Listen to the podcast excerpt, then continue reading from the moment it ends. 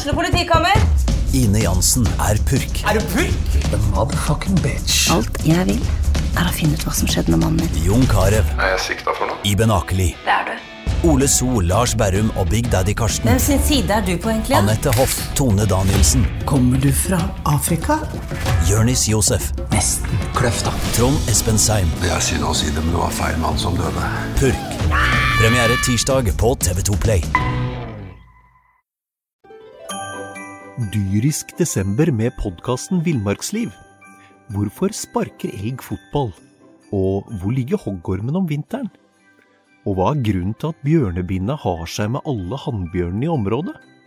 Svarene på dette og mye mer får du i podkasten Villmarkslivs julekalender Dyrisk desember, der du hører på podkast. SA-podden presenteres av Fleksi. Regnskap med et smil.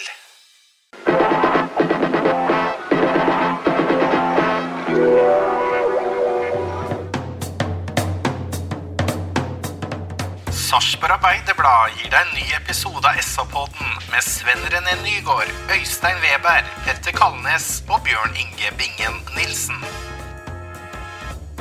Hallo, hallo. Hjertelig velkommen til SAs uh, fotballpod. Her sitter eh, tre frosne karer, også Binge, da, som selvfølgelig har sittet hjemme og sett fotballkamp på TV. Men Sven og Øystein og undertegnede, vi er kalde. Fytte rakkerne var kaldt på stadion. Ja, Det var som om kampen gikk på Nordpolen. Ja. Akkurat på Nordpolpunktet, vet du, der alt peker sydover. Der virka det som denne kampen her ble, ble gjennomført. Det var så kaldt. Jeg vil bare si én ting om det. Sven og jeg satt og snakka litt, og vi syns ikke det er mange ukene siden at Sven sa skal vi trekke bort i svingen, Øystein, for det er så utrolig varmt her. Sola sto på. Men jaggu, nå er det blitt vinter. Jeg tror ikke jeg har hatt på meg mer klær på et idrettsarrangement siden OL på Lillehammer i 94, Sven. Eh, Det er lenge siden jeg brukte susp. Jeg brukte susp i dag, for jeg, bare for å holde den kameraten litt i gang, liksom. Det var så kaldt, gutter. Så det, nei, det her var slitsomt.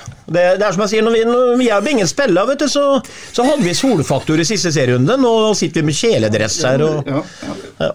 Hadde du på deg susp hjemme i som du, Nei, Mørninger? nei, jeg har aldri hatt brukshuspledder. Men eh, nei, jeg, jeg, jeg har hangla i 14 dager, jeg, sånn til og fra, så jeg eh, valgte å se den hjemme. Og det har veldig god oversikt hjemme òg, si Absolutt. Et fornuftig valg, det der. Eh, vi kunne hatt en overskrift som noe sånt som at bare spillet varma seg, men den, den kom liksom ikke da, den heller. For det var Nei. ikke noe særlig til fotballkamp. Nei, det var ikke noen sånn varmende spillere. I hele tatt så kan vi vel si det sånn at eh, oppsiden som Sven og jeg har snakka litt om, at vi nå ikke skal bite negler og, og så videre i forhold til at eh, det er ikke noe krise. Det, det bærer også kampen litt preg av. Det, det, det er ikke noe det er ikke noe sånn eh, liv og død over det, for å bruke litt sånn eh, alvorlige termer på dette her. Du, det er ikke den nerva som det ville vært hvis det hadde betydd noe. Eh, det er hovedoverskriften min i dag. Ja, du snakker mye om det mentale i fotball, Sven. og er det riktig det Øystein sier, at det, det, det, det gjaldt liksom ikke nok da til at de fikk tatt fram det, det aller siste? Ja, nei, det, det- det er helt rett. Det er, det, er, det er sånn i fotball også, eller i all idrett, at det, det må bety mye. og Da kommer de få ekstra kreftene. og det Joakim Thomassen etter kampen sa i hvert fall til meg at eh, han var jo ikke enig i det, han da, men uh, en Bohin sa det å klatre fra til, fra åttende til sjuende er vel kanskje ikke det som gir mest motivasjon, sa han faktisk, og la vel litt uh, i det. Eh, hvis du tar det helt generelle, Bingen, så er det jo brukbart. altså Den siste, de siste 20 minuttene er det litt av en fyr i teltet, ellers er det ganske daft. Uh, var- så, så du sånn fra TV-stolen òg? Ja, de gjorde det, og jeg tenkte under kampens gang at eh, oi, oi, oi, for en betydning Maestro Saletros har hatt på det laget her Uh, i, eh, i det siste. For uh, der var det en nøkkelfaktor som eh, definitivt ikke spilte i dag, for å si det rett ut. Så det var noe dødt, det var noe platt. Det var veldig lite spill i lengderetning, og spesielt på bakken. eh, Mellom, eh, mellom bekk og stopper så var det få baller som kom gjennom i bakrom til en Kone som kanskje kunne fått avslutta med, med stopper i rygg da, istedenfor å ha han foran seg hele tiden. Så det, det, det spruta ikke av oss i dag. Nå, men nå har vi nesten gått på vannet i de seks siste kampene òg, så det kommer en sånn en kamp. Men eh, det som har skjedd, og det vi har klart, og det vi har eh, gjort eh, i de seks tidligere kampene, det skulle liksom være historie, og vi skulle jo nulle det når vi møtte Tromsø på stadionet i dag, og det hadde jo vært vi, personlig, liksom, selv om Bohinen sier det han sier til Sven, så er det mange som har titta litt oppover og syns det hadde vært hyggelig om vi kunne komme av jour med Vålerenga f.eks. på tabellen. Så litt synd at det ble siste hjemmekamp for året på stadion eh, med tap. Mm. Tidligere i sesongen Sven, så, så vi Jeg, jeg var veldig opptatt av at jeg syns de da spilte de bare på fot. øh, veldig lite på, øh, i rom. Veldig lite bakrom. I dag ser jeg Kone har en helt banehalvdel å springe på, men det er ikke én som bare løfter ballen over midtstopplanen til, til Tromsø. Og Da, jeg klarer ikke å fatte hvorfor man ikke gjør det. Hvorfor man ikke bruker det våpenet. Helt enig. Eh, Snakka litt med Øystein om det i stad også. Eh, når han eh, Rashad kom inn, så det var 62. minutter eller noe sånt, så første som skjer, er at det kommer en ball i bakgrunnen, og så kommer jeg alene omtrent. Men eh, samtidig så er det sånn at eh, hvis jeg spiller på midtbanen eller i bakre treeren til 08, så slår ikke jeg en bakgrunnspasning til en spiller som jeg vet ikke heller har lyst til å stikke. Altså Nå bare møter han jo. Eh, og, og du vil ikke bli sett på som en tufs av å slå en ball i bakrom som ingen løper etter, liksom. Så her, da må jo i tilfelle Bohinen og Kone og laget trene litt på dette, bli enige, da. At dere gir beskjed til Kone at nå skal du bare begynne å stikke litt, så vet guttene det. Men når han hele tiden kommer imot, så kan du ikke slå baller i bakrom. Men jeg ser også Maigård er ganske fortvila. Han tar en del initiativ uten ball. Ballen kommer jo ikke på han heller. Men eh, du skulle si noe, Øystein? Nei, jeg bare følger opp det han, eh, han Sven sier. For hvis vi legger merke til det som skjer, og egentlig så skjer det ikke før som Sven sier etter 62 minutter, da, da Rashad blir spilt opp, og det blir jo en farlig sjanse av det. Så skal vi også legge merke til at den pasningen som blir slått der, det er ikke noen pasning som trenger å bli slått med noen sånn kirurgisk presisjon. Den kan både være 3-4-5 meter lenger og eh, litt løsere og i det hele tatt. Eh, Men det blir farlig allikevel. Så jeg jo stusser veldig over at i litt, når vi blir litt sånn opprådde for, for alternativer, så, så bør det alternativet der brukes oftere. Men det er selvsagt helt riktig at, at Kone inviterer ikke veldig mye til det. Det, det gjorde vel Rashad i større grad da Mm. når han kom inn. Det er for, for øvrig Kone som slår pasningen til Rashad der, så det er jo litt interessant kanskje. Eh, når du starta kampen eh, ålreit, fem minutter så har Ole Jørgen Halvorsen, som jo spilte i eh, pga. at Saletos var eh, ute. Vi skal komme litt tilbake til dette senere. Eh, Halvorsen får en fin pasning fra Dario og skyter uh, et brukbart skudd. Uh, ellers er det veldig få målsjanser. Uh, jeg noterte etter 17 minutter at Kone tar et løp, faktisk. Og han tok i hvert fall ett løp. Uh, men Magnar ser han ikke og spiller det ikke til. en- Ellers er det veldig lite å melde før 32 minutter, eh, Bingen. Eh, August Mikkelsen, et supertalent fra nord. Eh, nummer 14, spilte første omgang. Eh, blir først felt, og så tar han et frispark via muren, og så får han en sånn vemmelig bue for en eh, målvakt, Bjørn Inge. Hva tenkte du på Anders Kristiansens skipperarbeid der? Er det noen muligheter? Nei, han er totalt utspilt. Så jeg Han har ikke kjangs i havet. Han er jo på en måte på vei til det motsatte hjørnet. Mm. Og hele tyngdekrafta hans er jo på vei mot høy, høy, hølje, Hølje-høyre? Høyre stolpe! Og, og da er det veldig vanskelig å, å snu, så den, den, den får han ikke gjort noe med. De så jo det med Asbjørn Hansen. Han snudde i lufta, så hadde de i finalen i 52 for Sparta. Men det, det tror jeg er eh, historie som har blitt bedre med åra. Altså. Ja, det er, det er ikke fysisk Asbjørn var bra, vet du. Ja da, det var toppkeeper.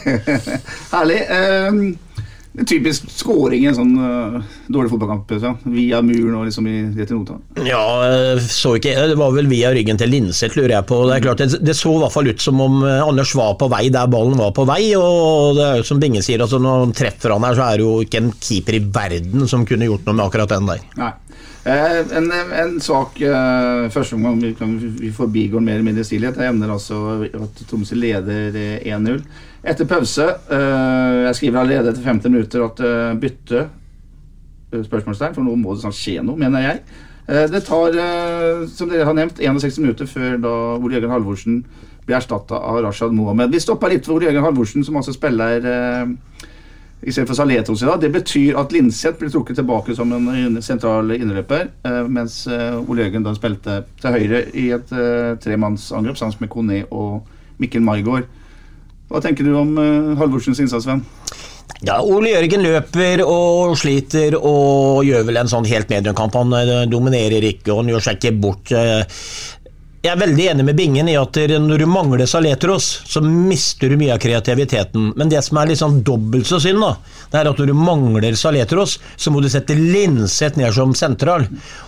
og ved han borte Han er like viktig i den rolla han har spilt i de siste kampene, som Saletros er. ikke sant?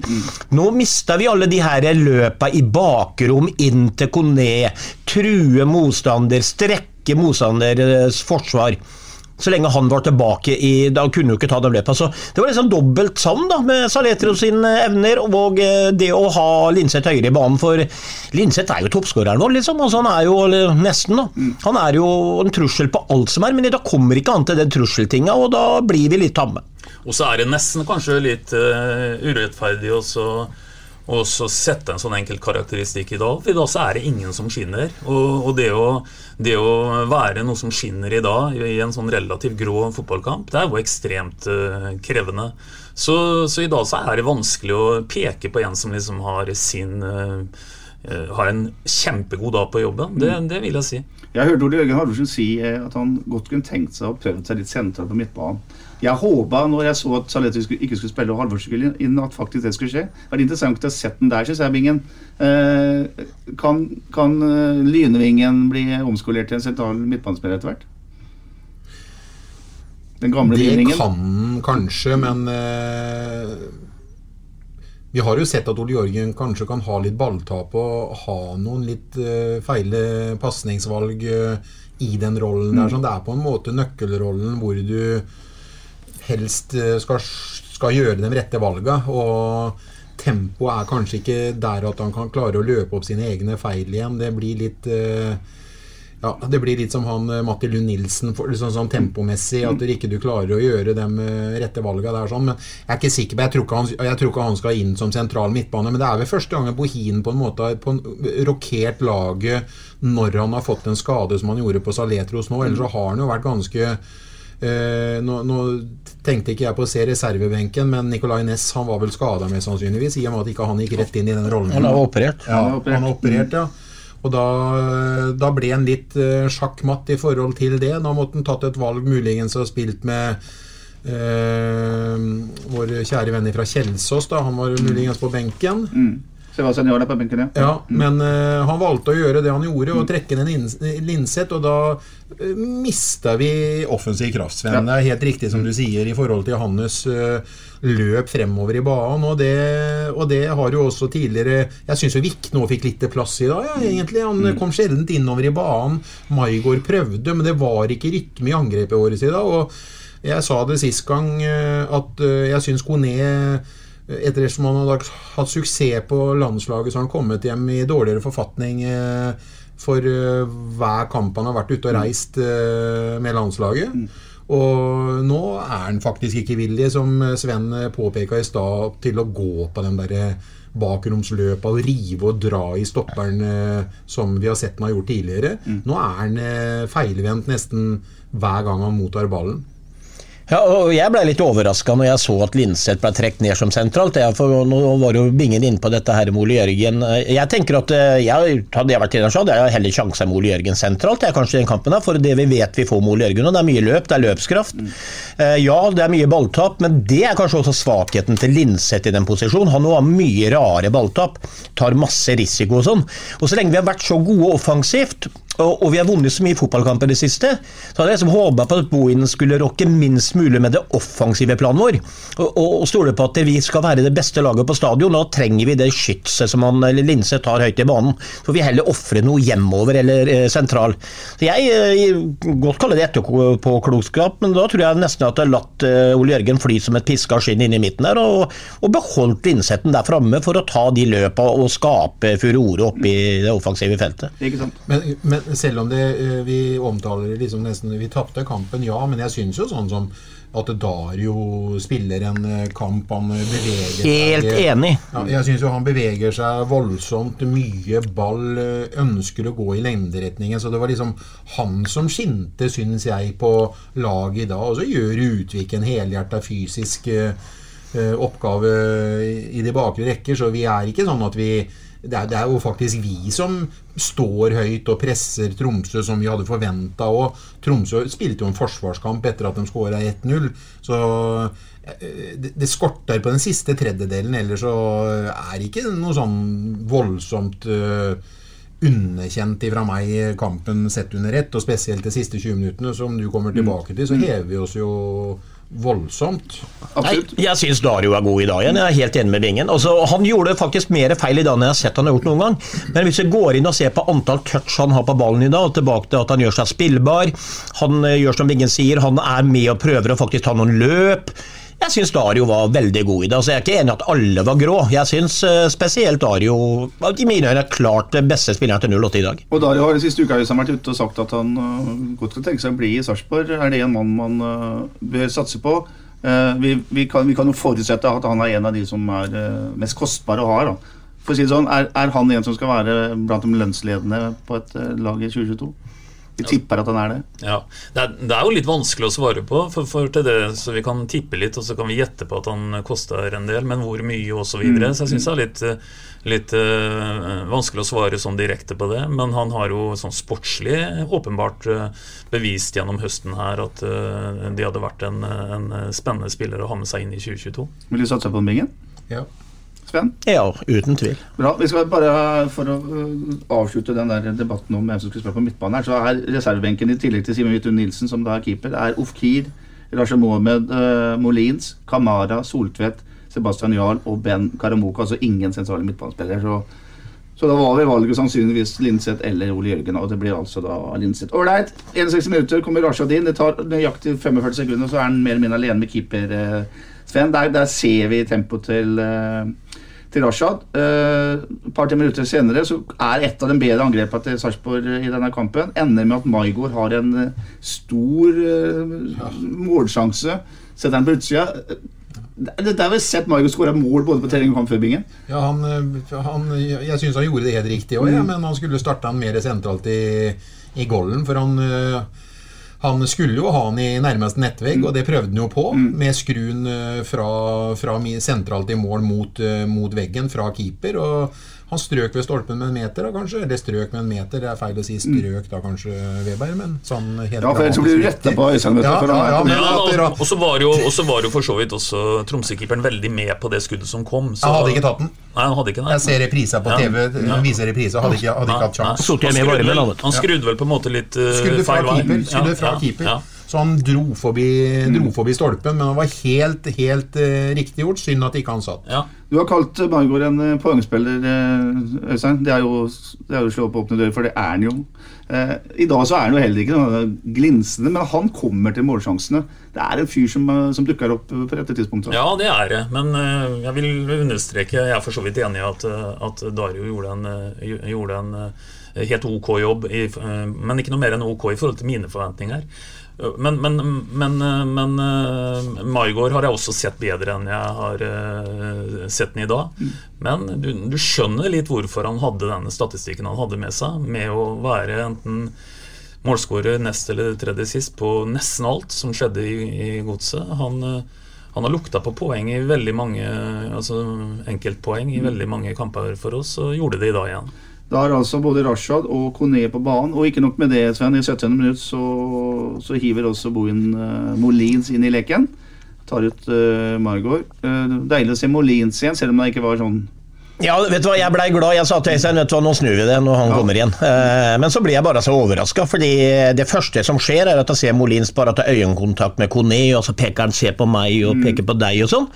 Og så drar han inn på egen banehalvdel, og så skal han ha ballen defensivt. Altså, Hvorfor skal ikke han komme seg opp ordentlig i angrepsrekka? Han, han skulle liksom bli spillfyrer i midtbaneleddet, og det forsto jeg ingenting.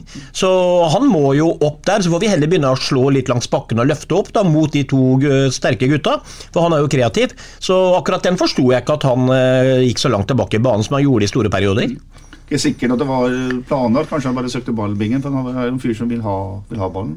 Og det var kanskje ikke så rom for den lenger høyere oppe i banen? Er det ikke? Nei, han fant seg i hvert fall ikke til rette. Nei, han gjorde ikke det. Uh, Molins er også litt interessant å prate om uh, med tanke på hva man eventuelt da gjør mot, uh, mot neste år. Med alderen tatt i betraktning, kunstgress osv., er det her en man skal gå all in for? Ja, Det ene er interessant, kanskje ikke det andre. Alder uh, hadde vi tålt. Uh, han, han vil i norsk eliteserie kunne holde i tre år til. Men det er et veldig viktig men. Og det er skadehistorikk og underlag og i det hele tatt. Jeg syns også spillerne nå litt sånn unisont klager eh, Mm. mye på egen hjemmekunstgress og syns det er, eh, det er et for dårlig underlag. Så, så store, den, den store X-faktoren i det du spør om der, det er hvorvidt en, en, en, um, Molins hadde holdt seg skadefri. Eh, Da hadde naturligvis han eh, hatt eliteseriespill i seg lenge ennå. Men eh, det begynner å bli en såpass tett skadehistorikk at du tør ikke helt å stole på det. Nei, ikke sant. Hvis vi forutsetter Sven, at Kone ryker i løpet av vinteren det er Veldig mye tyder på det. Da er altså spissbesetninga per nå av Fardal Oppsett det er eh, Molin, så jeg sier at han er fortsatt eh, med. Og så er det Kamara, unge gutt fra, som har kommet fra Hvilket afrikansk land er han kommer fra, det husker jeg ikke i farta. Men det, det er ikke så veldig farlig. Eh, Kamerun, eller? Nei. Fardal og Molins er litt eh, de samme typene. Uh, Kamara er sånn frisk pust. Men det her må det inn en, må det inn en førstespiss hvis eh, Kone ryker. Men herregud, er- hvis du spør meg om det, så er svaret bare enkelt ja. Eh, altså Jeg sier ikke at Oppsett og Molins er gode nok, men altså hvis vi får 30 millioner for en mann, så må du jo for faen meg bruke en del av de kronene og få fram en som er en førstespiss som er garantist, som vi vet eh, Det har liksom vært mitt eh, ankepunkt. Hvis vi mister de etablerte spillerne nå, så må vi bruke de pengene på å hente noe du vet hva du får. Og ikke noe du bare skal på en måte utvikle og håpe du kan selge om fire år. Det fortjener supporterne mye mer av. Det er færre fotballspillere, flere dyrere, gode fotballspillere i mine øyne. Så dette, blir dette spennende. Også en trener som har den riktige retningen her. og så Vi kan jo ikke begynne å, å selge Kone og, og sette alle pengene i banken nå. Hvis vi skal komme framover, så må vi bruke noen av dem på gode spillere tilbake. Ja, Men igjen så føler jeg at svaret dreier seg veldig mye om hva en kan forvente i forhold til skadehistorikk. For jeg tror at hvis du ser rent sånn kvalitetsmessig på en Fardal, som også har hatt en langt ifra en ideell sesong, men den har jo også inneholdt lange skadeavbrekk og skal bygge seg litt opp igjen. Og så har Molins er jo en historie for seg sjøl. Jeg tror at det, hvis en kunne forutsette at de to guttene der mer eller mindre hadde vært skadefri en eh, sesong, så er det spisser som holder nivået som vi, vi trenger. Men det er kanskje et hvis som en Mm. ikke kan eh, helt eh, Vi må kanskje skjele, mer til det med, med skadehistorikk. Da. Mm. Vi jeg stoppe litt ved, ved, ved ordet kunstgress. Ganske riktig som Øystein sier, så er en, eh, virker det som en sånn unison holdning blant spillerne at dette her underlaget ikke er godt nok. Vi har hørt eh, at det også har vært uh, prat om dette her på, på noen møter som eh, sentrale folk i klubben har vært til stede på. Eh, det er sånn at Kommunen har et løp på underlag på Sarpsborg stadion gutter, som eh, tilsier at jeg tror det er to sesonger til eller to år til man skal bytte. For Det er liksom det løpet man har lagt. Eh, er det sånn, Bingen, at eh, du, Skal vi gå inn og anbefale klubben her så gå inn og bruke egne midler på å eh, enten forskuttere noen penger eller, eller gjøre de tiltakene som skal til for at man slipper å risikere at man får skada spillere pga. det arbeidsforholdet de har? da? Ja, Det beste er vel å bli enig med kommunen, men uansett så bør det gjøres noe så lenge eh, spillerne blir eh, såpass skadeutsatte som de blir. Og det er jo eh, helt klart eh, noe som ikke stemmer. Det jo, er jo noe som ikke ble bytta, som eh, de tok sjanse på at skulle ligge, litt til. Og det var jo ikke gresset, men det var jo eh, paden under. Den gummipaden. Og det er jo det som gjør at dere de mener nå at, dere ikke, at, det, at det rett og slett er for hardt, og at du, du, du, blir, du er skadebelasta ved å, å bruke det gresset sånn som det er nå. Så det er ikke noe tvil om at det bør gjøres. Og så er det et kommunalt anlegg, Stein. Eh, Det betyr at bruken av det er jo Det er veldig mye bruk av det. Fra tidlig morgen der er skoleelever, og til sent på kveld. Er, eh, dette er et anlegg som, som alle bruker, hadde jeg nær sagt.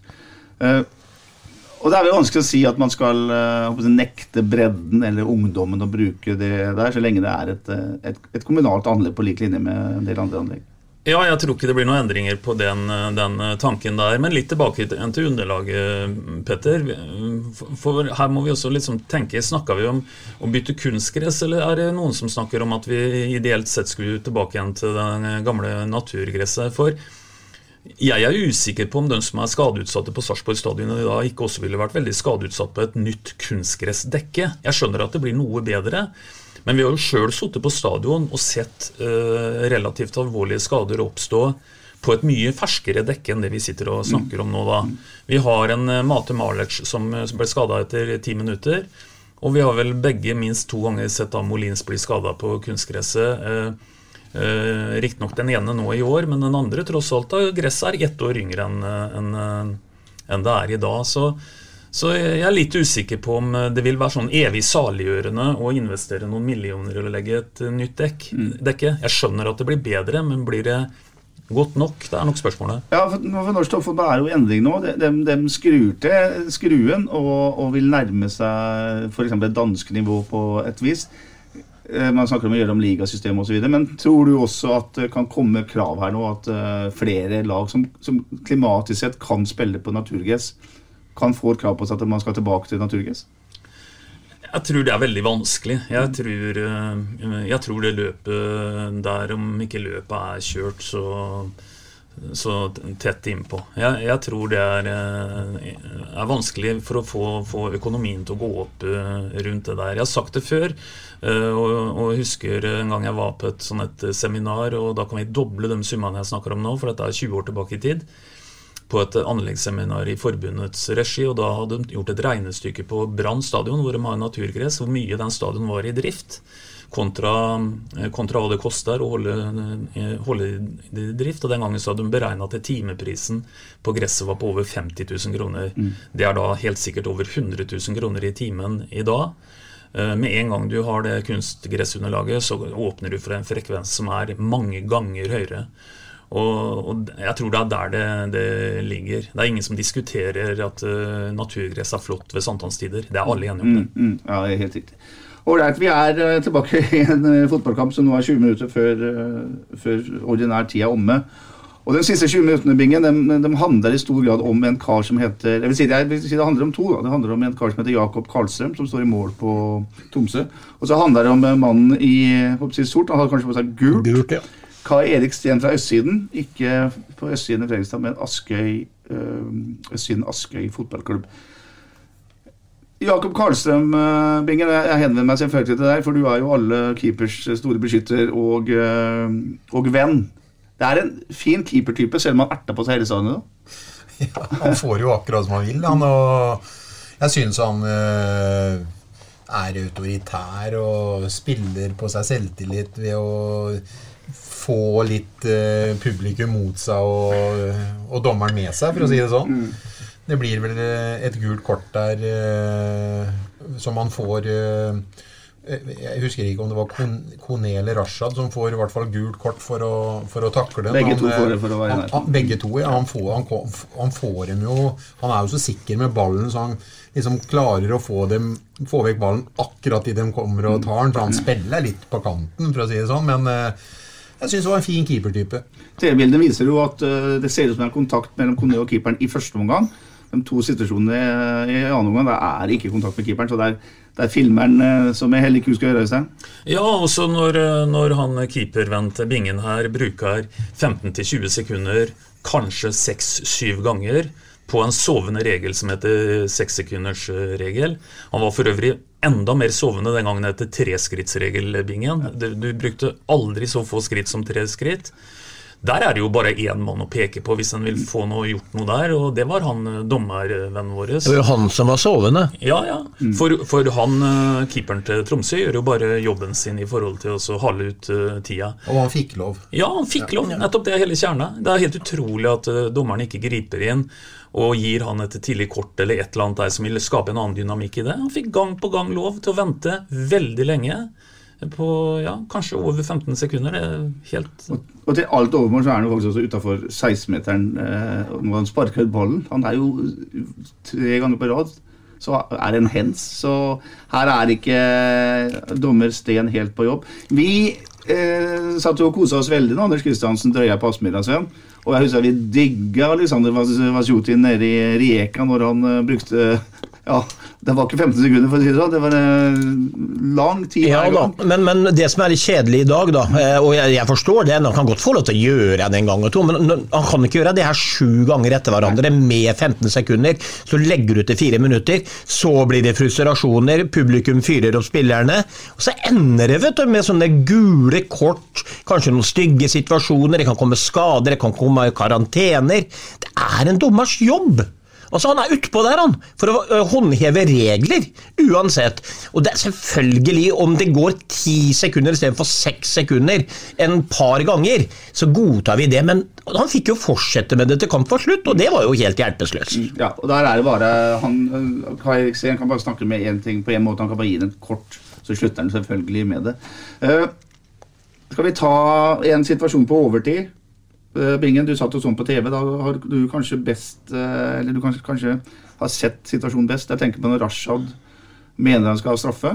Eh, Ja, den er, husker du? den er, ja den er på ute, utersida er 16. Okay. Utersida, 16. sorry. Men at han skulle hatt frispark De ser hverandre ikke, men det er på en måte ikke noe unnskyldning, for Rashad får han blir rett og slett knocka av skuldra til, eh, til eh, stopperen der, sånn. så det er knallhard kontakt. altså At Rashad gikk ned der, sånn, så, så det, det, det var helt riktig.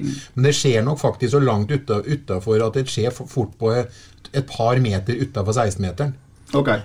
Men De er på løp begge to, men Ja. de ser hverandre ikke før det smeller. Men da blir det stygt, for da smeller han til en med skuldra For han kom med, skuld, kom med skuldra i hodet til eh, Rashad, så da da blir Rashad knocka, så han, han filma definitivt ikke. Men det gjorde nok han, eh, han stopperen, for at han skjønte at han, han vet hvor han traff den henne. For jeg så, jeg så reprisa den ene gangen på stadion, for de rakk, og, de rakk ikke å på en måte sladde den. Så jeg fikk Dyrisk desember med podkasten Villmarksliv. Hvorfor sparker elg fotball? Og hvor ligger hoggormen om vinteren? Og hva er grunnen til at bjørnebinna har seg med alle hannbjørnene i området? Svarene på dette og mye mer får du i podkasten Villmarkslivs julekalender Dyrisk desember, der du hører på podkast. Sett at han var utafor, jeg fikk sett at Rasha Rasha det er som en bil han vet du, når du har forsvarsvei. Altså Du kjører, og så har du stoppeplikt fra høyre. ikke sant? Altså Rashad får den ballen, slår den på ett touch og blir rent ned. Så han har, Det er han som angriper. Altså Han hadde, han var, hadde touch på ballen. Det er som å si når jeg kommer på forsvaret, Øystein kommer fra høyre og kjører på meg, så er det hans skyld. Så det, det er frispark for Rashad utafor 16. Han har jo svært fin sånn øvdebil. Altså. Han har jo Ja, Men han kjører med kjerringa likevel, så han kan jo ikke kjøre på noen. Ikke sant? Fotballdommer eh, Det er ikke bare situasjonen her han er involvert i. Det er bl.a. en soleklar eh, eh, der han stopper spillet og gir en Tromsø-spiller gult kort. En kjempeovergang for Sarpsborg 8, Øystein. Eh, Joakim Thomassen er ganske klar i intervjuet med Sven etterpå. Han sier at kanskje eh, norske dommere eller dommerkomiteen må, må finne på en utfordring neste sesong. Ja, det men- de seg dem også. Det her er ikke bra nok. Nei da, men akkurat der så jo Sven noe som han kan få lov å utdype. Ja, vet du hva? Jeg, jeg er helt enig, det er en klar fordel. Men så er jeg, der skal jeg gå inn og så forsvare dommer litt, for vi sitter veldig nære. For det som er i ferd med å skje der, er jo et ordentlig sånn lite håndgemeng mellom Magnar og Kittelano. Og så ender det jo med at han, eh, Magnar setter rumpa litt mot Kittelano, etter at vi har den fordelen av ballen da. Men så sparker jo Kittelano etter eh, Magnar, og så snur Magnar og setter brystkassa rett i han, og ansikt mot ansikt. Da tenker jeg I den situasjonen der, så var det bra at dommeren faktisk lot være å bruke for det. For han måtte ta tak i det, kunne utarta Ja, da, seg. skal, jeg- da tillate meg å være uenig med det. Alt du sier er riktig, men da, da, gjør, da må dommeren gjøre følgende. Han må gi begge to gult kort. For her straffer han kun Tromsø-spilleren, og da må Sarpsborg ha fordelen. Men, ja, men samtidig så, så kunne det ende med at begge to får rødt. da. Og så slå hverandre ned for å sette på spissen. For det var oppheta, altså, for jeg satt veldig Ja, nære og så det. ja. Så, så han var vel redd for at det skulle utarte mer enn det gjorde der da. For det hadde blitt katastrofalt for begge lags spill der. Da forutsetter vi at dommeren klarte å ta disse vurderingene i løpet av to sekunder. Eller? Ja da, og så er det sikkert uh, kjedelig å sitte og høre på sånn type dommervurdering på en dag hvor vi har hatt uh, definitivt bedre dager på jobben sjøl. Men det store bildet kan man vel si at uh, i dag er det veldig mange sånne, vi kan godt kalle dem litt sånn 50-50-situasjoner, som Uten at jeg har tella over, så er jeg veldig overraska hvis en ikke går inn og analyserer det. At veldig mange av dem går i vår disfavør. Ja, hva er hovedproblemet eh, til Sarpsborg 8 da, Sven, som gjør at Tromsø vinner 1-0? Hovedproblemet i dag er at i dag er de ikke sultne nok. Det er eh, tilbake til det mentale. Det betydde ikke noe. Joakim sier jo til meg etter kampen at det, nei, det er ikke sånn og sånn, men, men det, det, er noen ganger sånn at det, de, de laga i Eliteserien er så jevne. Så hvis du bare får de 3% av ekstra oppi huet ditt i hjernebarken fra hver spiller, så er det nok til å vippe fotballkamper. Så jeg tror at det akkurat i dag Tromsø er eh, på bortebane. Vi er på hjemmebane. Betydde litt mer for Tromsø i dag. For oss betydde det ikke nok oppi alle hodene. Det er i hvert fall min mening. Ålreit. Mm. Vi forlater eh, kampen og går over på, på tabellen. For uh, Sarpsborg 08 skal til Bergen neste litt kommende søndag, Biggen Møte Brann. Uh, en, alt annet enn ubetydelig kamp for bergenserne, som nå ligger på 15.-plass. To poeng opp til Stabæk, ett poeng ned til eh, Mjøndalen. Eh, hva tror du venter eh, Sarpsborg 8 i Bergen? Altså, ja, det, jeg tror at det er et heltent lag som definitivt fikk selvtillit av å komme tilbake mot uh, serielederen og Norges klart beste lag om dagen, Bodø-Glimt. Ligger under 2-0 og får inn uh, en deilig goal i det 93. minutt ved, med, ved Bård Finne. Og jeg tror nok de er kjempepåskrudd. Jeg vil tro at publikum i Bergen kommer til å støtte laget sitt uh, enormt i den siste kampen. Så den kampen der sånn bør 08 glede seg til å spille, for det tror jeg blir en enorm fin ramme. Og da er du med på å påvirke et definitivt utfall, så mm. der bør alle være påskrudde. Sånne kamper kan man ta læring av, Svein. Man skal bort og møte Brann på en vanskelig fotballbane med mye folk på tribunen. Eh, det er noe man, Der kan man lære noe som man kan ha nytte av når man kommer i samme situasjon eh, sjøl. Ja, selvfølgelig. Og, og, jeg, og, jeg, ønsker jeg var fotballspiller igjen og kunne vært med på den kampen der. Det er, det er en sånn drømmekamp å spille, det. Når du sjøl ikke betyr noen ting, og du ikke har kniven på strupen. Du kan gå opp der og ødelegge, du kan suge inn stemninga, du kan gjøre alt dette. Jeg har vært med på sånn sjøl en gang før, uten sammenligning for øvrig på nivå. Vi skulle møte Ullern borte, de hadde hengt opp ballonger. Hvis de slo oss, vi lå langt på tabellen med SFK, så røkka de opp. Og Det var bare det å få lov til å være en festbrems der borte. Det var liksom, det ga så mye kick, så vi rundhjula jo Ullern selvfølgelig i den kampen der. Og det, Tenk deg å dratt opp til Bergen nå, da hvor Brann var nedrykka, det kom 500 bergensere her. Nå får en spille for nesten Som Binge sier, jeg kan godt tenke meg at de fyller stadion omtrent. For så er bergensere. Det blir en opplevelse uten like. Mm. Og så er det, sant, det er spennende både topp og bunn, men ta bunnstriden først. Uh, altså Stabæk 25, Brann 23, Mjøndalen 22.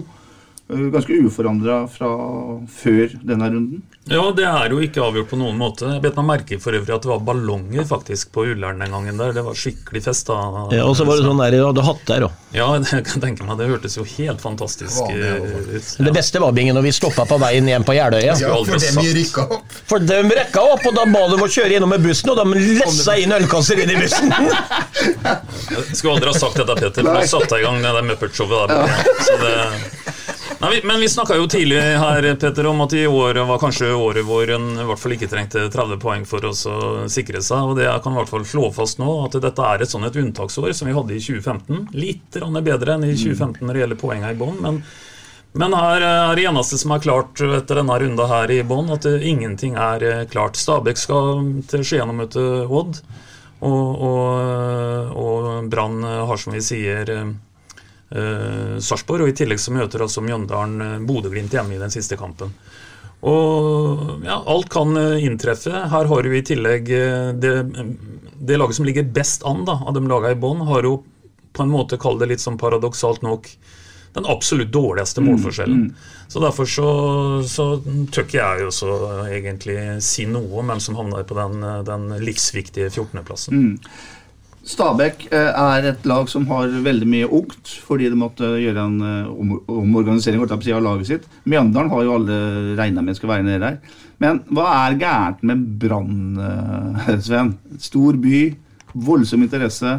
Eh, og så roter de seg ned noe gang på gang på gang. Ja, det er, det er, helt utrolig. De skulle jo ikke vært der. Og det, det, det som er gærent der, hadde de hatt Thomas Lene Olsen eller en Ohi eller en spiss da, som er garantist for mål, så hadde de ikke vært der. Fordi at jeg har sett så mye fotballkamper, og nok en gang så går de bort og spiller 2-2 nå mot uh, Bodø-Glimt. Men hvor mange fotballkamper har ikke Brann trøkka til motstandere om de har vært på leir? De, de, har vært kjempegode spillermessig, skapt masse målsjanser. Men de skårer jo ikke mål, og det er selvfølgelig viktig. Men hadde de hatt en sånn spiller som har tatt vare på de her sjansene, så hadde ikke de vært blandet. Så jeg tør påstå problemet deres i år er at de skulle investert i en ordentlig spiss. En sportssjef eh, kommer inn underveis her, Bingen, en danske som ikke vet sannsynligvis veldig mye om norsk fotball. Eh, er ikke det noen rare valg, da? Jo, jo, det er jeg helt enig i. Men, men, klubben har jo vært eh, Eller Brann har jo vært prega av utenomsportslige ting først og fremst. Altså, det er ikke noe tvil om at de har vært gjennom litt av et uh, fotballår. Mm. Og hvis de skulle klare å overleve det fotballåret her, sånn, så er uh, det kanskje større enn vi aner, og en mm. enorm lettelse for dem. Og de har faktisk en mulighet til å spille kvalik. Mm. Og jeg tror laget som eh, skal spille kvalik mot eh, et eh, Obos-lag, det, det, har en fordel hvis du kommer ifra Eliteserien. Absolutt. Uh, Utgangspunktet nachspiel tar vi også, som fotballspillere gjør det de kan. Ja da, men det var jo året hvor alt gikk gærent for, ja. for Brann. Og så har vi jo en sånn en Vi har jo en Vi skal aldri si at en tabell ljuger, og det gjør naturligvis ikke etter 29 serierunder.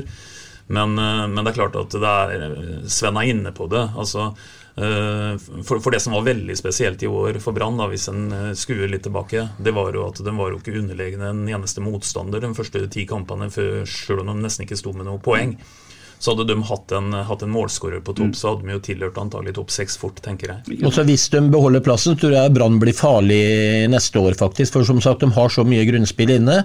Så, men så har de jo gjort den feilen år ut og år igjen. Nå var det jo Kåre da, som når han skrev under jeg huser det VG-oppslaget, at nå, nå skal gullet heim, liksom. Altså, Nå har de fått en trener som heter Horneland. Du kan si hva du vil om han, og ser ut som en sånn dypvannslosj noen ganger. Han ser bekymra ut ute på sidelinja der. Men han har et sånn et, eh, aggresjon i måten å lede laget på. Men han kommer ikke før sesongen, hvis de klarer å beholde plassen, han kommer til å si vi skal bli bedre. Ja. Altså, Han kommer ikke til å snakke om det her, skape, skape sånne forventninger som trener oppe i Bergen, der de er gærne nok fra før av, mm. og si at vi skal ta gull til året, liksom.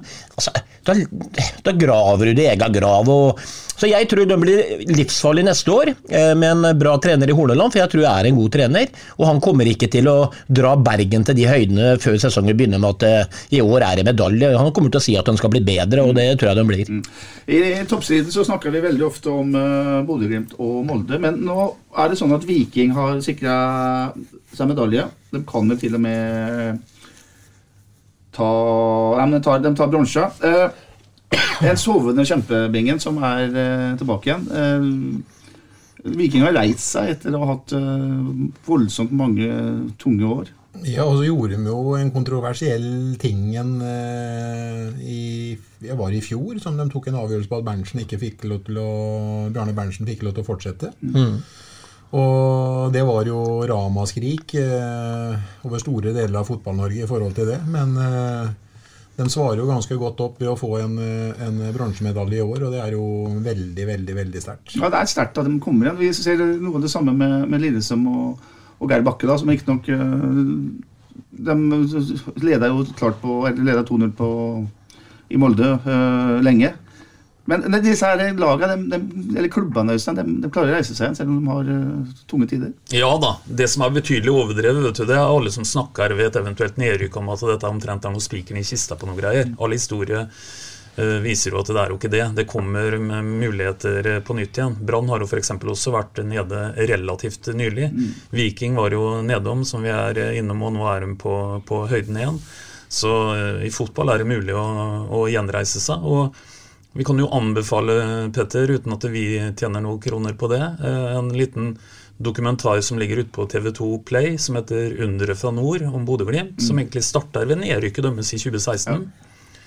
Og den anbefaler vi alle å se. Den tror jeg faktisk eh, alle har noe å lære av. Ja. ja, det tror jeg òg. Det handler om, eh, det handler om grundighet, det handler om systemsvenn, og det handler om ja, altså fysisk trening. Altså være i fysisk form. Best trent. Det er liksom første de tar tak i. Du kan bare si det, Eh, det ligger en eh, dokumentar til ute som heter Sunderland. Så Ja, ja, ja. ja, ja, ja. Men det er liksom mer sånn der brannrot igjen. Nå trodde jeg du skulle si det lå en dokumentar ute som omhandla deg, Bingen. og da ble jeg veldig usikker her. Nei, nei. Altså, Ligger en om Donald Trump òg. Bingen slår fast at det ligger fotballdokumentarer ute på nettet. Det er, eh, det er bra. Ålreit, skal vi si at eh, den 29. runden er ferdig debattert? Ja. har noe mer å si? Det var kaldt i dag. Det var kaldt i dag. Ja, det var, eh, nå kjenner jeg liksom at det begynner å prikke litt i kroppen, for nå tror jeg varmen er på vei inn igjen. Så Og det er ikke noe med suspen og det greiene å gjøre? Nei da, den, men det er kanskje det varmeste jeg har hatt i dag.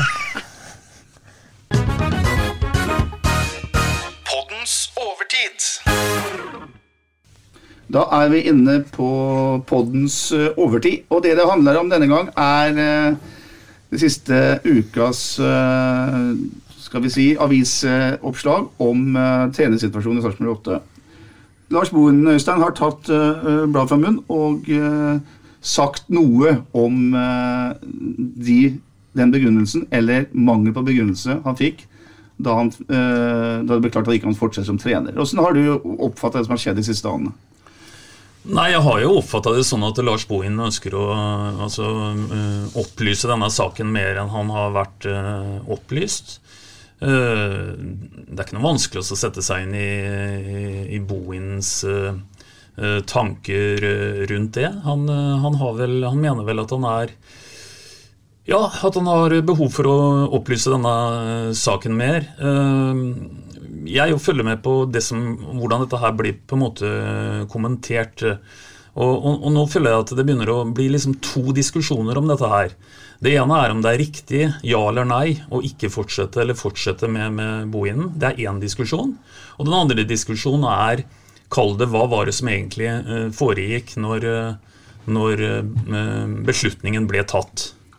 Det går an å mene mye om, mene mye om det. og jeg skjønner at, at klubben ikke skal ut og gå noe i dybden på, på det som de eh, sikkert helt korrekt vil kalle en eh, personalsak. Men det hadde sikkert gått an å bydd på litt mer. For jeg tror ikke omgivelsene forventer veldig mye når det gjelder en begrunnelse for at den ikke skal gå videre i toppfotball med en trener.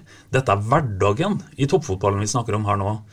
Så det, det jeg tenker at 08 kunne gjort, og så blir jo dette lettere alltid når en skal være litt etterpåklok, det er at en kunne sagt at uh, vi har uh, ulike syn på hvordan dette her, vi skal utvikle produktet Sarpsborg 08 videre. Og, og ønsker av den grunn også gå videre med en ny trener, som vi tror at vil utvikle dette laget her bedre. Punktum slutt. Jeg tror ikke egentlig det burde vært sagt så veldig mye mer enn det, men det kunne han kanskje vært tydelig på. Og Det sprikende punktet Sven, er jo at uh, styreleder Hans Petter Arnesen sier at uh, man er på en måte uh, dette er en avgjørelse man er enig om, altså klubb og spiller. Mens Bohinen hevder at det ikke her var noe toveiskommunikasjon. det var en beslutning som klubben tok og gjorde kjent for Bohinen. jeg vet at du er opptatt av at de skal følge den, der, den åpenhetsprinsippet de har. da, og de, har de vil være en åpen klubb. Eh, hvordan har du oppfatta den situasjonen de siste dagene? Det, hvis du setter det i det perspektivet der, da. Jeg, jeg synes Alt det her er så vanskelig, for det er jo så mye meninger der ute. Og jeg, jeg håper å si i motsetning til Bingen, da, som kun har vanlig SMS. Han ser jo ikke Facebook og sånn, men det er jo mye meninger. Og jeg er veldig enig i det Øystein sier. Jeg tror kanskje man kunne på en måte gått ut og sagt det så enkelt, f.eks. som Øystein sier, hvis det er det som er begrunnelsen på at eh, Lars Bohinen eh, gikk jo sjøl ut og sa det, at det er jo ikke sikkert de hadde godtatt kravene mine, og det får vi jo aldri greie på hva de kravene var. Men de har jo prata sammen, tydeligvis, og det gjør de selvfølgelig, så da har de jo vært uenige da, om hvordan skal Sarpsborg 08 være fra 2022 og utover. Og når klubben står jo der og er den, den øverste organet og sier at nei, men da, ikke, da, da, da, slutter vi dette her sånn. Så det, det, er litt rart at Bohin også går ut og sier det sånn i ettertid, tenker jeg, for det skaper jo disse problemene som gjør at folk begynner å lure på hva er det de liksom ligger her. Og så kan det bli mange stygge tanker ut av det. og Det kan være noen som tenker faen, har Bohin gjort ditten og datten, eller så den ikke kan gjøre det, eller er det andre ting det handler om, osv. Men dette her kunne vært løst på en annen måte, og problemet syns jeg da blir når folk mener at de har krav på noe, noe de selvfølgelig ikke har. De, kan, de, har ikke krav på å vite hva det er. Men samtidig så har Sarpsborg 08 dette med omdømme da, og åpenhet som veldig høyt på agendaen sin. Og det er klart Da møter de seg litt i døra når de da lukker den åpenheten i forhold til hva eh, supporterne har lyst til å vite, men som de ikke har krav på å vite. Så da blir det masse uenigheter der. Bingen, du har sittet i, i, styrer både i SFK og i Sarpsborg 8. Du har vært sportssjef eh, og jobba med rekruttering og, og, av både trenere og fotballspillere. Det der er forklaringa som, eh, som det idrettsinteresserte eh, sarpingen vil ha. Eh, hvor vanskelig er den der kommunikasjonen der? Du, altså, du, du, du, har blitt enig, eller du, er klar på at du ikke vil fortsette med en trener, og så vet du ikke helt hvordan du skal kommunisere det ut. Er det et dilemma som, som er vanskelig å håndtere? Ja, men det er alltid dumt å lyve om sannheten. Eh, og det kom litt sånn feil ut eh, fra klubb. Klubben kunne håndtert det på en annen måte. Jeg støtter valget de har eh, tatt, men de kunne håndtert det på en annen måte ut i, i media. Mm. Bare for å legge premisset for det, er jo at alle vi fire her er enig i klubbens valg om å ikke fortsette med Lars Bohin som trener. Det er vår holdning, og den har vi hatt ganske lenge. Øystein? Nei, altså, Bare for å utdype dette litt med, med åpenhet, da, som, han, som han Sven er innom her. Eh, vi skal ikke ha noe sånn eh, misforstått eh, åpenhet heller. For, for, hvis vi med åpenhet setter likhetstegn mellom det å fortelle absolutt alt som foregår i en intern diskusjon på et styrerom, og da setter vi liksom terningkast seks på klubbens åpenhet, så er vi helt på ville veier. Det er helt åpenbart at, at det må tas noen strategiske beslutninger osv. som ikke hele byen trenger å ta del i. Men jeg har lyst til å si en ting til, og det er at eh, jeg kan si det, eh, Petter, så kan du slippe å si det. Det blir også en diskusjon om dette her er noe som kall det lokalavisa skal skrive om. Og til det så vil jeg si følgende. Selvfølgelig skal lokalavisa eh, skrive om en sånn en sak som har vært oppe denne, denne, uka her. For nå må vi slutte med at vi, vi må begynne å skjønne at vi har litt forskjellige roller oppi dette her. Og, og jeg har pleid å si tidligere på generelt grunnlag, og jeg kan gjerne gjenta det eh, Hvis du skal rette kritikk mot en, en, lokalavis i, kall det, mindre norske byer, og jeg er helt sikker på at det er rett i det jeg sier nå, så er det ikke for at man er for hard i klypa. Det er gjerne det motsatte. Og det er veldig naturlige grunner til det. Det er en liten by, og alle kjenner alle, og det er ikke så lettbestandig. bestandig så øh, utøve det heller. Men selvsagt skal lokalavisa skrive om at uh, hovedtreneren i byens lag kommer på banen og ønsker å nyansere det som på en måte har blitt lagt fram som en versjon på avslutningen på det arbeidsforholdet. Det skulle bare mangle. Mm. Bra. Du snakka med Boen i dag, Sven, etter matchen på SA-TV. Hvordan oppfatta du Lars i en samtale du hadde med Nei, Nesten så ikke jeg husker hva jeg spurte om engang, for jeg var så frøsen jeg sto der sånn. Så det, men Nei, jeg, han er vel eh, han, uh, Jeg sitter med en følelse av at Lars Bohinen sikkert kanskje kunne tenkt seg fortsatt, i hvert fall. han snakka veldig mye at han var stolt av de progresjonene man har hatt. både spillemessig og poengmessig, og det har han jo rett i. Uh, det var jo Men, men, men det er jo sånn etterpåklokskap. Nå har vi vært gode i noen kamper, og så var det jo helt katastrofe til å begynne med. Folk mente jo at herregud, hva vi har fått inn her, og det var masse kritikk. Og så begynner vi å gå litt på vannet, og det er jo selvfølgelig veldig bra, men uh, det er ikke noe tvil om at uh, Bohin uh, fronta i dag at jeg er stolt av det jeg har fått til. Selv om han ikke brukte meg, meg, men han brukte oss. Så han skal godt tenke på at han er, han er litt snurt. Og jeg så intervjuet, Sven, så, så, jeg skjønner at du var, du var litt sånn i, i, en sånn frossen uh, situasjon, så du ikke husker hva du sjøl snakka om. Men jeg sto og så på deg og Lars snakka, Og jeg syns Lars Bohin fremstår som så langt unna en, en bitter mann som det går an. Jeg tror han uh, har hatt knallmotivasjon hele høsten, her, noe resultatene bærer preg av. Og vi skal huske på det som vi snakka om den gangen dette her også ble beslutta. At uh, han har all mulig egeninteresse i å gjøre så god, en så god avslutning på dette som mulig. For som han sjøl sa til deg, Sven, uh, han er fotballtrener. Han har valgt det sjøl, og han håper på ny jobb. Det kan ta noen måneder, det, eller det vet han aldri når det er noe ledig.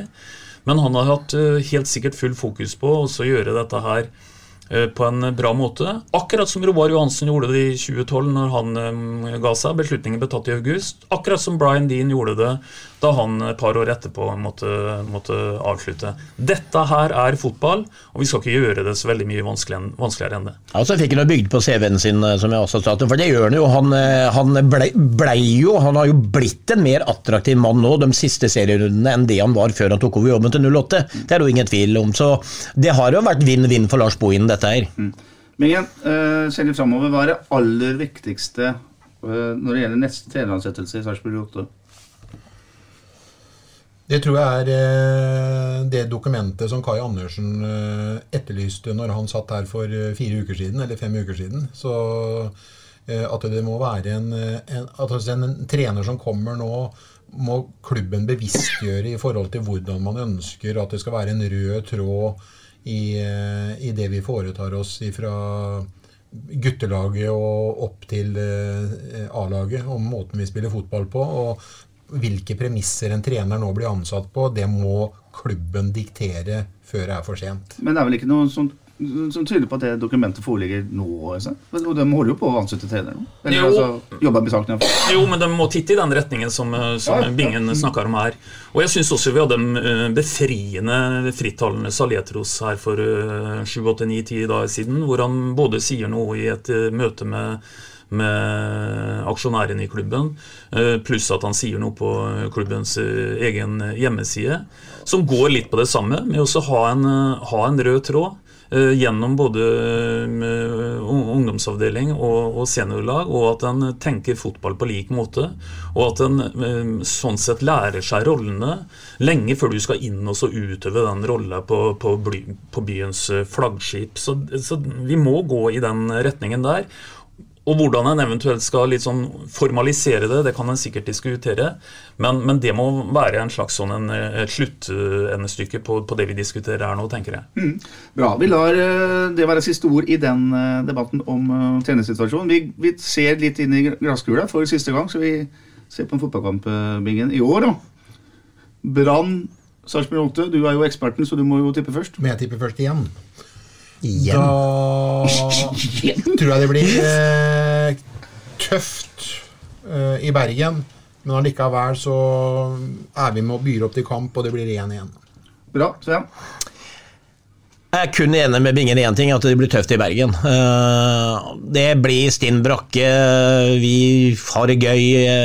Jeg tror Brann får en eh, eksplosjon den kvelden der, og så vinner de 3-1 mot 08. Og så tror jeg jaggu at de kanskje kan komme seg på kvaliken. Ja. Ja, for det Bingen gjorde nå, var å sende bergensernes stolthet rett ned. Ja. For med, med, uavgjort i kampen mot oss, så, så ryker jo pokalen. Sånn sett så tror jeg at eh, Brann kniper det siste halmstrået de har og vinner 2-0 mot oss. Og så tror ikke jeg at Stabæk får med maks ett poeng borte mot eh, Odd, og at eh, at det er faktisk Brann som tar kvalplassen. Mm. Jeg tror at det blir tøft, jeg òg. Jeg tror at Sarpsborg taper 1-0. Altså 0-1. Det var små siffer i det. Det har ligget på 5 og 4-1 og sånn. Ja, men nå sier jeg at de taper 1-0. Er det greit? Ja, det er lov. Det er lov. Og så vil jeg at dere skal uh, si noe om en fotballkamp som går uh, mandag kveld. Fredrikstad KFUM, uh, hva mener vi om det? Nei, Hadde du spurt meg om hva jeg mente for eh, et halvt år siden, så hadde jeg sagt at Fredrikstad var enorme favoritter. For da uh, syns jeg at Koffa uh, fremsto litt naivt og var veldig sånn omstendelig uh, osv. Men han, kameraten vår på sidelinjen der han har vært litt pragmatiker ut gjennom sesongen. Og jeg har sett dem spille en del i år, og syns de har blitt bedre og bedre. Og er ikke like romantiske i stilen sin som de var til å begynne med. Så jeg tror det kan bli tøft for, eh, for Fredrikstad å slå KFUM. KFM. Men uh, la oss si at vi skal se på kampen på TV og håpe på en lang kamp. Da. Så da blir det Da blir det ekstraomganger og straffer her nede. da, Så får vi se hvordan det går. Ja, ikke sant. Sven, da? Nei, ja, Helt åpen kamp. Det er, eh, Fredrikstad er gode. Jeg må bare si det som sarping. Mm. altså, de har vært gode i år.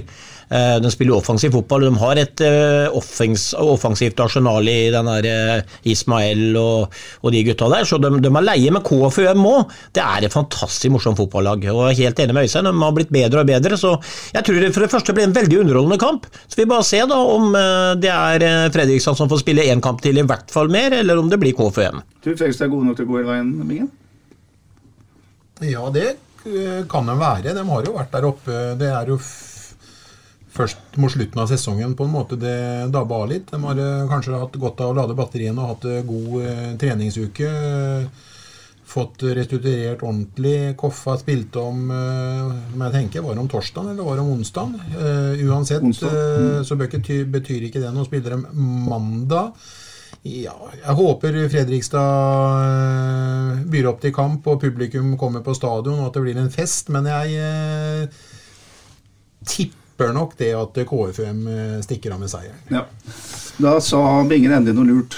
Det tok lang tid, men da han først sa noe lurt, så var det bra, gutter. Sa du noe om åssen det gikk? Nei, jeg tror ikke Fredrikstad vinner. Nei, du tror, tror Koffa vinner? Og jeg håper heller ikke at Fredrikstad vinner. Nei. Hva jeg så? Jeg bare avslutter med en eh, liten ting. I dag så var det som de sa, mange solgte billetter var på stadion. 4004, var det ikke det? Skal vi gjette på at det var 1900 mennesker der, eller var det 2-1? Jeg vet ikke. Uansett så var det jo mange mindre, det skjønner jo alle. Men jeg har bare lyst til å gi 08 uh, bitte lite grann kred sånn helt på tampen. For midtveis eller i overtid så har vi snakka om ting som kanskje ikke nødvendigvis er omdømmebyggende. Én ting som kanskje spesielt eh, Alexander Klausen skal ha ros for, eh, men sikkert flere, det er at igjen så er det invitert til mye unger i svingen. Vi hører dem jo. For de Hørte har, til og med på TV. ja, ja, de har jo en stemme som altså, Bingen har jo ikke sånn stemme lenger. Eh, Så vi hører jo at det er unge mennesker som sitter der. Og så kom det ut en eh, story i går. Eh, Det er en ny familie som har kommet til byen her, på fem, som fikk supporterutstyr og, og i det hele tatt. Tommel opp, veldig omdømmebyggende. Og det er måten å, å, å rekruttere på. Det, er mange forskjellige måter å rekruttere på. Dette var to eksempler som jeg nevnte nå. Bare tommel opp til guttene på stadion på det. Helt enig. Da er vi ved veis ende. Jeg skal eh, få til å takke alle som har hørt på oss gjennom denne uh, sesongen vi er eh, i ferd med å legge bak oss. Fordi jeg skal inn og reparere noen gamle, dårlige fotballknær eh, denne uka. Så når guttene er tilbake med en podkast etter Brannkampen, så er eh, Tom Arild Olsen fra Hockeypodden eh, programleder for fotballpodkasten. Så da skal jeg ligge hjemme med kne høyt og høre på ekspertisen eh, i Veberg, Nygård og eh, Binge Nilsen. Takk for kampen denne sesongen, gutter. I like måte. Like måte. Like måte. Og så sier vi som vi alltid gjør, at vi Prekes! Ha det. SA-podden presenteres av Fleksi. Regnskap med et smil.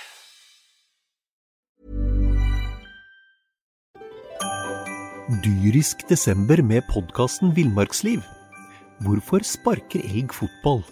Og hvor ligger hoggormen om vinteren? Og hva er grunnen til at bjørnebinna har seg med alle hannbjørnene i området?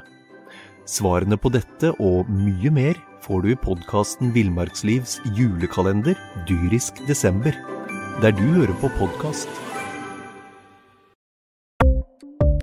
Ukens annonsør er HelloFresh. HelloFresh er verdens ledende matkasseleverandør og kan være redningen i en travel hverdag. Mange av oss har nok vandret i butikken både sultne og uten en plan for middagen, som ender med at vi går for de samme kjedelige rettene gang på gang. Middag burde være dagens høydepunkt. Som HelloFresh kan du nå velge mellom 25 ulike retter hver eneste uke, eller få HelloFresh til å sette sammen menyen for deg. Dette gir deg muligheten til å prøve nye og spennende retter alene eller sammen med familien. Du velger antall porsjoner og får alt levert på døren på et tidspunkt som passer for deg. Oppskriftene er enkle, og maten er lett å lage både for store og for små. Ved å få alt levert hjem får du også mer tid til å dele matgleden med familie og venner. Kanskje det frister med asiatiske tacos eller greskinspirert kylling? Da kan jeg anbefale deg om å gå inn på hellofresh.no. Her kan du bruke koden FOTBALL og få opptil 1779 kroner i rabatt på de første fem matkastene hvis du ikke har prøvd HelloFresh tidligere. Du kan også bruke rabatten hvis du har vært kunde og stoppet abonnementet ditt for tolv måneder siden eller lengre. Gå inn på hellofresh.no og bruk koden FOTBALL. Har du et enkeltpersonforetak eller en liten bedrift? Da er du sikkert lei av å høre meg snakke om hvor enkelt det er med kvitteringer og bilag i fiken, så vi eh, gir oss her, vi. Fordi vi liker enkelt. Fiken superenkelt regnskap.